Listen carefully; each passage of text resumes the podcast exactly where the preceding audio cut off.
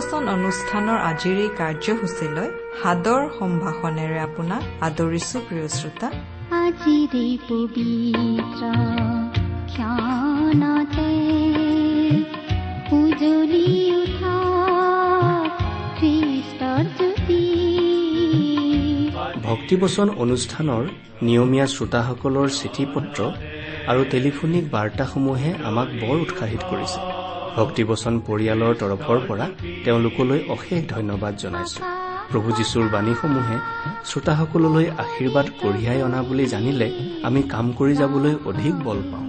ঈশ্বৰে আপোনালোকক এইদৰে সদায় আশীৰ্বাদ কৰি থাকক। আপোনাৰ জীৱন আৰু পৰিয়ালত সদায় সুখ শান্তি আৰু প্ৰচুৰতা প্ৰভু যীশুৱে দান কৰক। শাৰীৰিক সকলো ৰোগ ব্যাধি পাৰিবাৰিক সমস্যা আৰু আত্মিক সকলো বন্ধনবোৰৰ সমাধান দিব পৰা প্ৰভু যীশুৰ বাণীসমূহে যেন আপোনাৰ জীৱনলৈ নতুনত্ব আৰু জীয়াই থকাৰ প্ৰকৃত অৰ্থ কঢ়িয়াই আনে এয়ে আমাৰ প্ৰাৰ্থনা।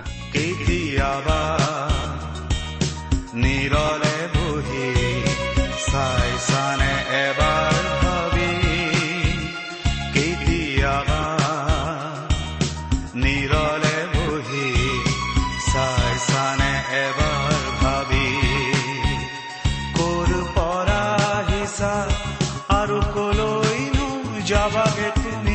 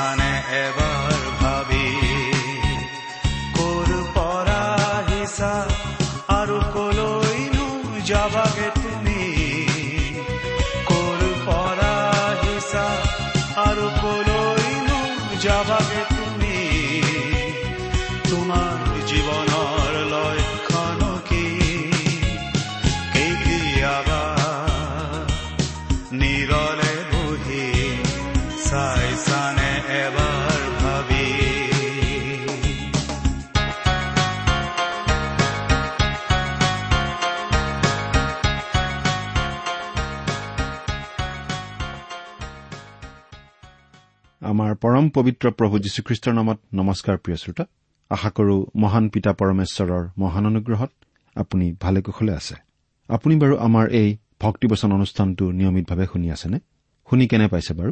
এই অনুষ্ঠান সম্বন্ধে আপোনাৰ মতামত দিহা পৰামৰ্শ আদি জনাই আমালৈ চিঠি লিখিবচোন। যদি আপুনি আমাৰ নিয়মীয়া শ্ৰোতা কিন্তু কেতিয়াও আমালৈ চিঠি পত্ৰ লিখা নাই তেনেহলে আজিয়ে দুষাৰিমান লিখি পঠিয়াবচোন। যদি আমালৈ মাজে সময়ে চিঠি পত্ৰ লিখি আছে তেনেহলে আপোনাক ধন্যবাদ জনাইছো। আপোনালোকৰ পৰা পোৱা চিঠি পত্ৰই আচলতে আমাৰ উৎসাহ উদ্দীপনাৰ উৎসৰ নিচিনা। আহকচোন আজিৰ বাইবেল অধ্যয়ন আৰম্ভ কৰাৰ আগতে আমি খন্তেক প্ৰাৰ্থনাত মূৰ দুৱাওঁ। আমি প্ৰাৰ্থনা কৰো স্বৰ্গত থকা আমাৰ অসীম দয়ালু পিতৃ ঈশ্বৰ তোমাৰ মহান নামৰ ধন্যবাদ কৰো।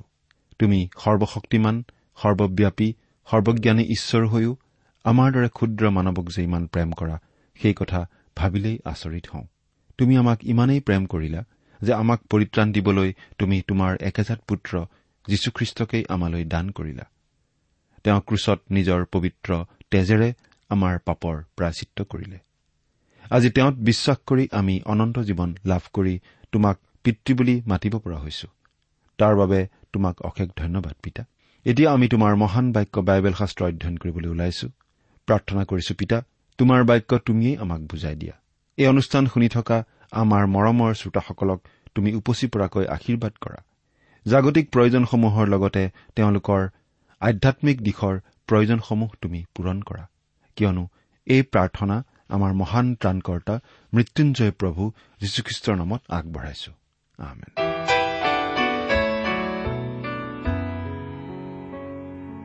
প্ৰিয় শ্ৰোতা আপুনি বাৰু আমাৰ এই ভক্তিবচন অনুষ্ঠানটো নিয়মিতভাৱে শুনি আছেনে? আমি বাৰু এতিয়া বাইবেলৰ কোনখন পুস্তকৰ অধ্যয়ন চলাই আছো আপোনাৰ মনত আছেনে বাৰু? আপুনি যদি আমাৰ এই অনুষ্ঠানৰ নিয়মীয়া শ্ৰোতা তেনেহলে আপুনি নিশ্চয় জানে যে আমি এতিয়া বাইবেলৰ পুৰণি নিয়ম খণ্ডৰ গীতমালা নামৰ পুস্তকখনৰ অধ্যয়ন চলাই আছো। আৰু আপোনালোকৰ নিশ্চয় মনত আছে কিজানি যে আমি এই গীতমালা অধ্যয়ন কৰি ইতিমধ্যে এশ বত্ৰিশটা গীত অধ্যয়ন কৰিছো। এইবোৰৰ পৰা পোৱা শিক্ষাৰে অকল যে আপোনালোকেই শ্ৰোতা হিচাপে কিবা নহয় কিবা প্ৰকাৰে উপকৃত হৈছে এনে নহয় আমিও উপকৃত হৈছো।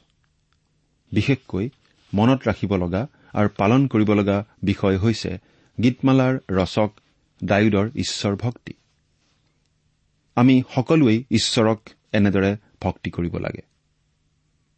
আজি আমাৰ অধ্যয়নৰ বিষয় হৈছে গীতমালা এশ তেত্ৰিশ আৰু এশ চৌত্ৰিশ নম্বৰ গীত দুটা। অৱশ্যে প্ৰিয় শ্ৰোতা গীতমালাৰ আটাইকেইটা গীতৰ ৰচক ডায়ুদ নহয় কিন্তু বেছিভাগ গীতৰেই ৰচক ডায়ুদ। সেই কথাটো আকৌ এবাৰ মনত পেলাই দিছো। আমি ইতিমধ্যে পাই অহা প্ৰতিটো গীতৰেই বিশেষ একোটা বৈশিষ্ট্য দেখিবলৈ পাইছো। আজিৰ অধ্যয়নৰ গীতমালাটো এনে এটা সত্যতাৰ বিষয়ে আছে। ঈশ্বৰৰ উপস্থিতিত বিশ্বাসকাৰীসকলে কেনে আনন্দ পায় সেই সত্যতাৰ বিষয়ে গীতমালা এশ তেত্ৰিশ নম্বৰ গীতত আমি পাওঁ। এইটো এটা অতি চুটি গীত। কেতিয়াবা ইয়াক ভ্ৰাতৃত্বৰ গীত বুলিও কোৱা হয়। আনহাতে ইয়াক সহজতেই সহভাগিতাৰ গীত বুলি ক'ব পাৰি।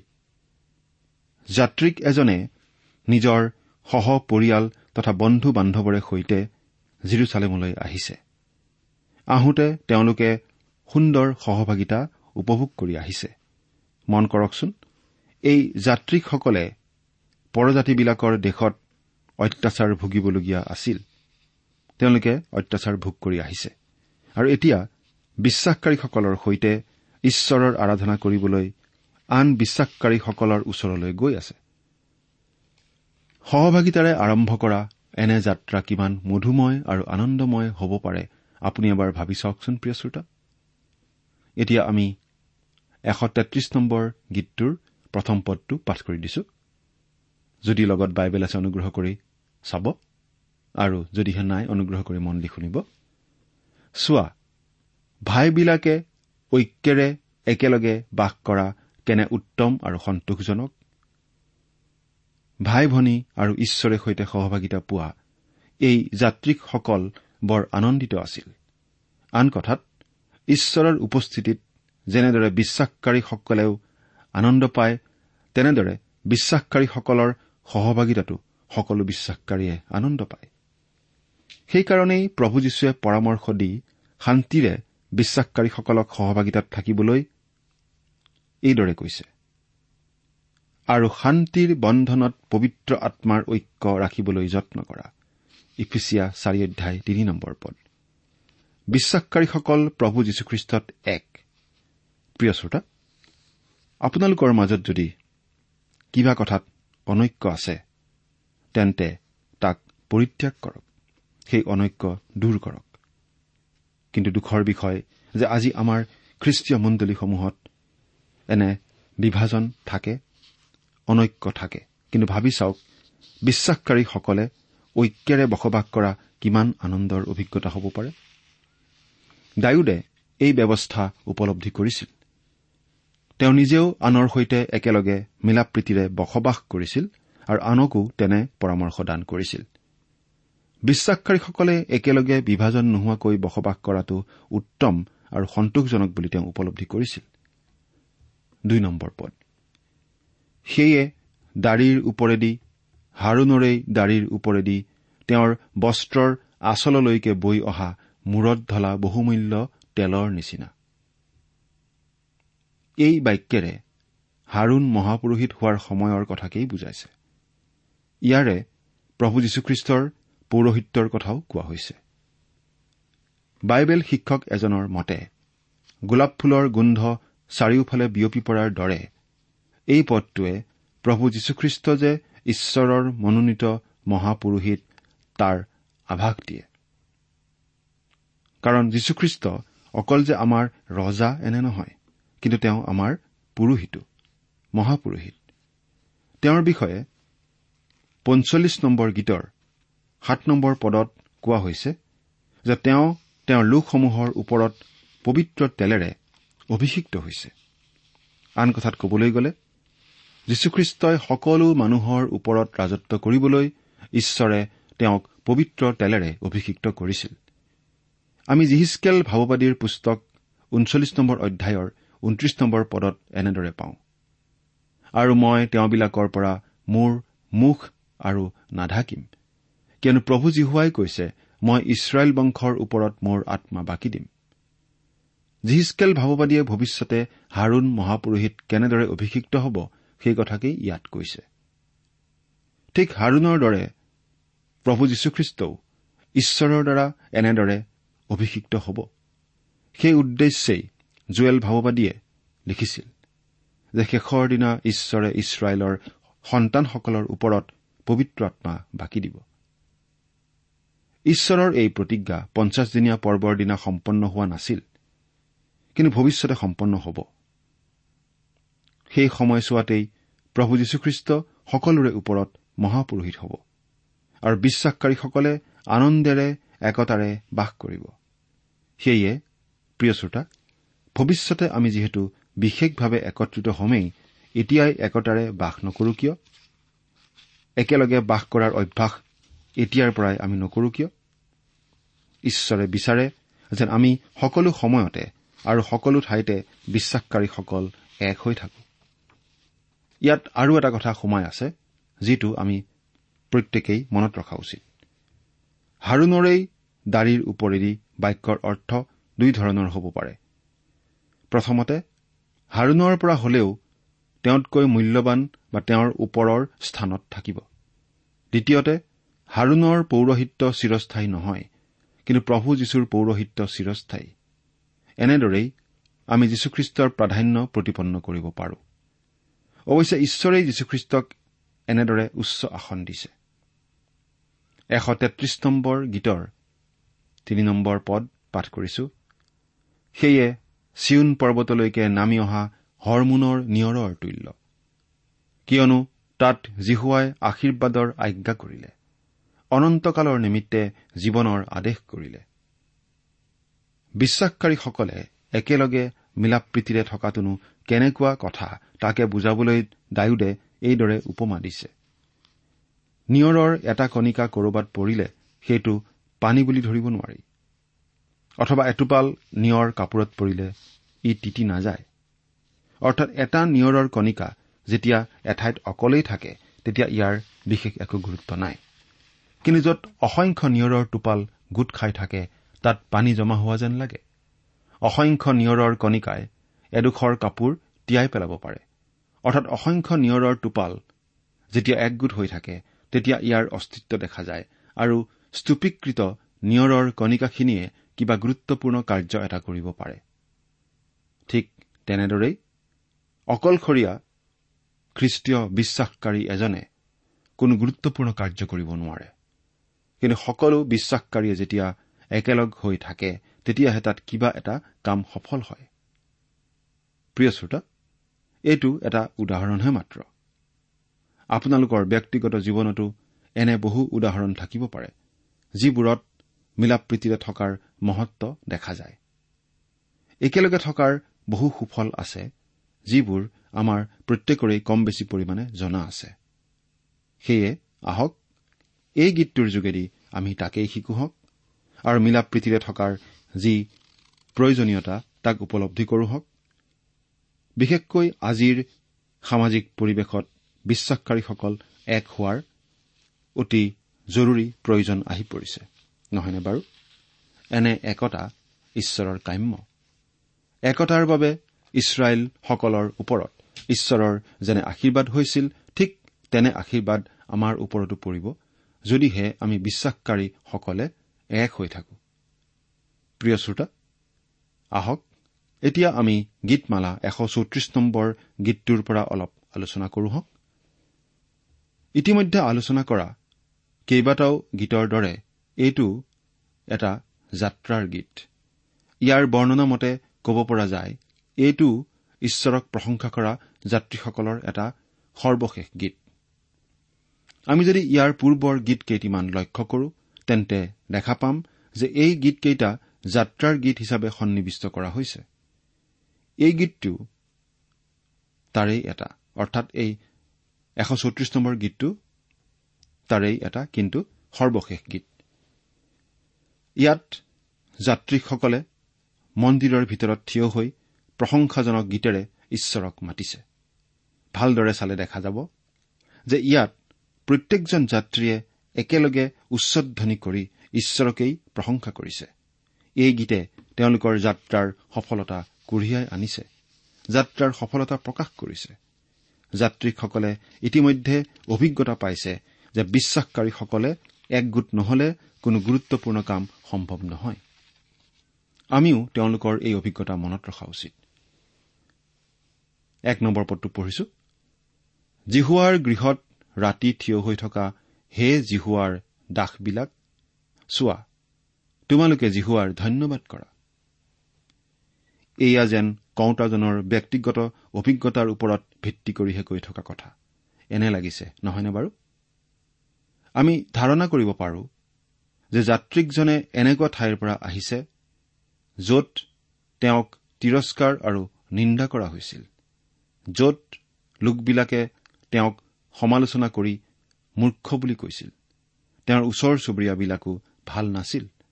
এনেকুৱা অৱস্থাৰ পৰা আহি যাত্ৰীকজনে যেতিয়া জিৰচালেম মন্দিৰৰ সন্মুখত থিয় হয় তেতিয়া তেওঁ সকলোৱে শুনাকৈ চিঞৰি চিঞৰি কয় তোমালোকে জিহুৱাৰ ধন্যবাদ কৰা। তেওঁ এইদৰে মন্দিৰৰ ওখ ঠাইত থিয় হৈ লৈ দুহাত ওপৰলৈ তুলি ঈশ্বৰৰ প্ৰশংসা কৰিছে। লক্ষ্য কৰিব যে এই যাত্ৰীকজনে যেনেদৰে ঈশ্বৰৰ প্ৰশংসা কৰিছে তেনেদৰে প্ৰশংসা কৰাটো আমাৰ প্ৰত্যেকজন বিশ্বাসকাৰীৰে আচলতে উচিত আৰু আমাৰ কৰ্তব্য। এতিয়া আমি দুই নম্বৰ পদটো পাঠ কৰি দিম। তোমালোকে পবিত্ৰ স্থানৰ ফাললৈ নিজ নিজ হাত তুলি জিহুৱাৰ ধন্যবাদ কৰা। প্ৰিয় শ্ৰোতা এতিয়া আমি ইয়াত দেখিবলৈ পাইছো যে যি অভিজ্ঞতাৰ ওপৰত ভিত্তি কৰি সেই যাত্ৰীকজনে ঈশ্বৰৰ প্ৰশংসা কৰিছে একেদৰে কৰিবলৈ তেওঁ সকলোকে আনক আহানো কৰিছে। আৰু উদগনিও দিয়াৰ নিচিনাকে তেওঁ এই কথাখিনি কৈছে। যাত্ৰীকজনৰ অভিজ্ঞতা কেনে তাক আমি ইতিমধ্যেই আলোচনা কৰিলো। কিন্তু ইয়াৰ পৰা আমি আৰু অনুমান বা ধাৰণা কৰিব পাৰো যে তেওঁ সঁচাকৈয়ে নিঃসহায় হৈ ঈশ্বৰৰ ওচৰত হাত পাতিছে সহায় বিচাৰিছে।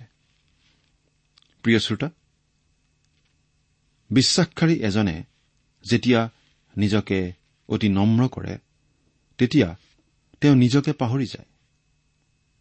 ঈশ্বৰৰ আগত নিজকে তেনেই নগণ্য ৰূপে তেওঁ উপস্থাপন কৰে। আৰু তেনে ক্ষেত্ৰত ঈশ্বৰেও সেই বিশ্বাসকাৰীজনৰ প্ৰাৰ্থনা শুনে। কাৰণ বিশ্বাসকাৰী এজনে ঈশ্বৰৰ আগত নিজকে নম্ৰ কৰিবলৈ কুণ্ঠাবোধ নকৰে। বাইবেলে কৈছে কিন্তু কৰ তোলাই আঁৰত থিয় হৈ স্বৰ্গৰ ফালে চকুকে তুলিবলৈ সাহ নাপায়। নিজৰ হিয়া ভুকুৱাই ভুকুৱাই কলে হে ঈশ্বৰ পাপী যি মই মোলৈ প্ৰায়চিত্ৰৰ দ্বাৰাই প্ৰসন্ন হওক। লোক ওঠৰ অধ্যায় তেৰ পদ। এয়াই হৈছে প্ৰকৃত নম্ৰতাৰ প্ৰকৃত ছবি। ইয়াৰ পৰা আমি জানিছো যে এই কৰ তোলোতাজনৰ বিনম্ৰ প্ৰাৰ্থনা ঈশ্বৰে শুনিছিল। এই কৰ তোলোতাজনৰ দৰেই যাত্ৰিকজনেও নিজকে নম্ৰ কৰিছে। তেওঁৰ প্ৰাৰ্থনাৰ উত্তৰ ঈশ্বৰে নিশ্চয় দিব। প্ৰিয় শ্ৰোতা আমাৰ অৱস্থা আমি এবাৰৰ বাবেও বাৰু উপলব্ধি কৰোনে ভাবি চাওনে? আমি কিমান নম্ৰ তাৰ উদাহৰণ দিবলৈকৈ আমি অযোগ্য নহয়নে বাৰু?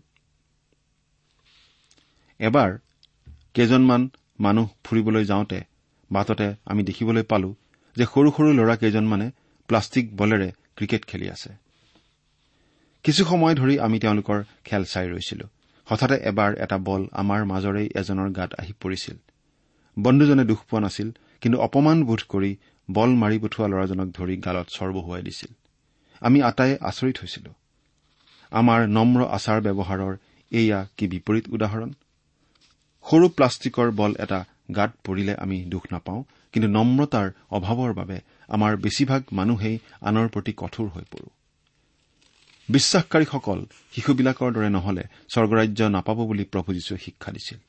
মানুহৰ কঠোৰ অন্তৰৰ বিৰুদ্ধে আজি কিন্তু আমি বেছিভাগেই এই শিক্ষা পাহৰি গৈছো। প্ৰিয় শ্ৰোতা আহক আমি যীশুখ্ৰীষ্টৰ দৰে নম্ৰ হবলৈ যত্ন কৰো হওক তেওঁ অত্যাচাৰী এজনকো ক্ষমা কৰিব পাৰিছিল আৰু সকলো সময়তে ঈশ্বৰৰ আগত নিজকেই নম্ৰ কৰিছিল। তিনি নম্বৰ পদ যিজনাই আকাশমণ্ডল আৰু পৃথিৱী সৃষ্টি কৰিলে সেই জিহুৱাই চিউনৰ পৰা তোমাক আশীৰ্বাদ কৰক। এই সৰু গীতটোৰ প্ৰথম দুটা পদত যাত্ৰিকজনে ঈশ্বৰক ধন্যবাদ কৰিছে আৰু আনকো তাকে কৰিবলৈ পৰামৰ্শ দিছে। আৰু এই তৃতীয়বাৰ তাৰ কাৰণ ব্যাখ্যা কৰি কৈছে যে আমি সদায় ঈশ্বৰৰ ধন্যবাদ কৰিব লাগে কাৰণ ঈশ্বৰেই আকাশমণ্ডল আৰু পৃথিৱী সৃষ্টি কৰিলে। যাত্ৰিকজনে যেনেদৰে ঈশ্বৰক ধন্যবাদ কৰিছে তেনেদৰে ঈশ্বৰেও যেন তেওঁক আশীৰ্বাদ কৰে এনে প্ৰাৰ্থনা কৰিছে। প্ৰিয় শ্ৰোতা এইখিনিতে আমি অলপ বেলেগ এটা কথা মন কৰিব খুজিছো। আমি সকলোৱে জানো যে এই পৃথিৱী আৰু আকাশমণ্ডল ঈশ্বৰেই সৃষ্টি কৰিলে। ইয়াৰ অৰ্থ আমি কিমানে বুজি পাওঁ বাৰু? সেইটোহে গুৰুত্বপূৰ্ণ কথা। কমাৰে নিজ হাতেৰে যেতিয়া কিবা কিবি তৈয়াৰ কৰে বা মিস্ত্ৰী এজনে যেতিয়া চকীমেজ আদি তৈয়াৰ কৰে তেতিয়া তেওঁলোকে তৈয়াৰ কৰা বস্তুবোৰ তল ওপৰ বা ভিতৰ বাহিৰ সকলোখিনি জানে। কিন্তু পুতলা বা চকী মেজবোৰে নিজৰ গৰাকীৰ অবাধ্য হ'ব নোৱাৰে সম্পূৰ্ণ অধীন হৈ থাকে। তেনেদৰে আমিও আমাৰ সৃষ্টিকৰ্তা ঈশ্বৰৰ সম্পূৰ্ণ অনুগত হৈ থকাটো উচিত নহয়নে? কাৰণ তেওঁই আমাৰ গঠন জানে। সৃষ্টিকৰ্তা হিচাপে আমি আৰু এটা গুণ তেওঁৰ থকা দেখা পাওঁ। আৰু সেইটো হৈছে ঈশ্বৰে সদায় সৃষ্ট বস্তুৰ মাজত থাকে।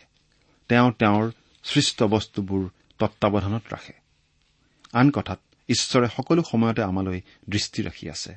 আকাশমণ্ডল বা পৃথিৱীত এনেকুৱা ঠাই নাই য'ত ঈশ্বৰৰ উপস্থিতি নাই। তেনেহলে আমি কেনেকৈ ঈশ্বৰক ভয় নকৰাকৈ চলো? অথবা কোন হতে আমি আমাৰ গৰাকীৰ উপস্থিতি পাহৰি যাওঁ? প্ৰিয় শ্ৰোতা কথাবোৰ আজি আমাৰ প্ৰত্যেকেই চিন্তা কৰিবৰ হ'ল। আহক আমি যেন সদায় ঈশ্বৰৰ উপস্থিতিত আৰু তেওঁৰ আনুগত্যত চলো। গীৰ্জা প্ৰাৰ্থনাৰ সময়ত বা পাৰিবাৰিক প্ৰাৰ্থনাৰ সময়ত আমি একান্ত মনে ঈশ্বৰক এই বুলি প্ৰাৰ্থনা কৰো। গীতমালাৰ যাত্ৰীসকলৰ যেনে অভিজ্ঞতা তেনে অভিজ্ঞতা আমাৰো হওক। আমি অন্তঃকৰণেৰে সৈতে তেওঁক প্ৰাৰ্থনা কৰো হওক। যেন আমি যেনেদৰে তেওঁ ধন্যবাদ প্ৰশংসা আৰু স্তুতি পোৱাৰ যোগ্য। ঠিক তেনেকৈয়ে তেওঁক ধন্যবাদ প্ৰশংসা আৰু স্তুতি কৰো। আৰু বিনিময়ত আমিও তেওঁৰ পৰা যাতে আশীৰ্বাদ পাওঁ। ঈশ্বৰৰ সেই আশীৰ্বাদ সদায় আমাৰ কাম্য। প্ৰিয় শ্ৰোতা আজিলৈ ইমানতে এৰিছো। পৰৱৰ্তী অনুষ্ঠানত পুনৰ লগ পাম। ঈশ্বৰ আপোনাৰ সহায় হওক। ধন্যবাদ। প্ৰিয় শ্ৰোতা ইমান পৰে আপুনি বাইবেল শাস্ত্ৰৰ পৰা ঈশ্বৰৰ বাক্য শুনিলে। এই বিষয়ে আপোনাৰ মতামত জানিবলৈ পালে আমি নথৈ আনন্দিত হ'ম।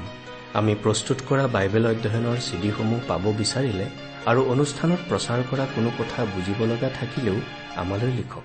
আমাৰ যোগাযোগৰ ঠিকনা ভক্তিবচন ট্ৰান্সৱৰ্ল্ড ৰেডিঅ' ইণ্ডিয়া ডাক বাকচ নম্বৰ সাত শূন্য গুৱাহাটী সাত আঠ এক শূন্য শূন্য এক।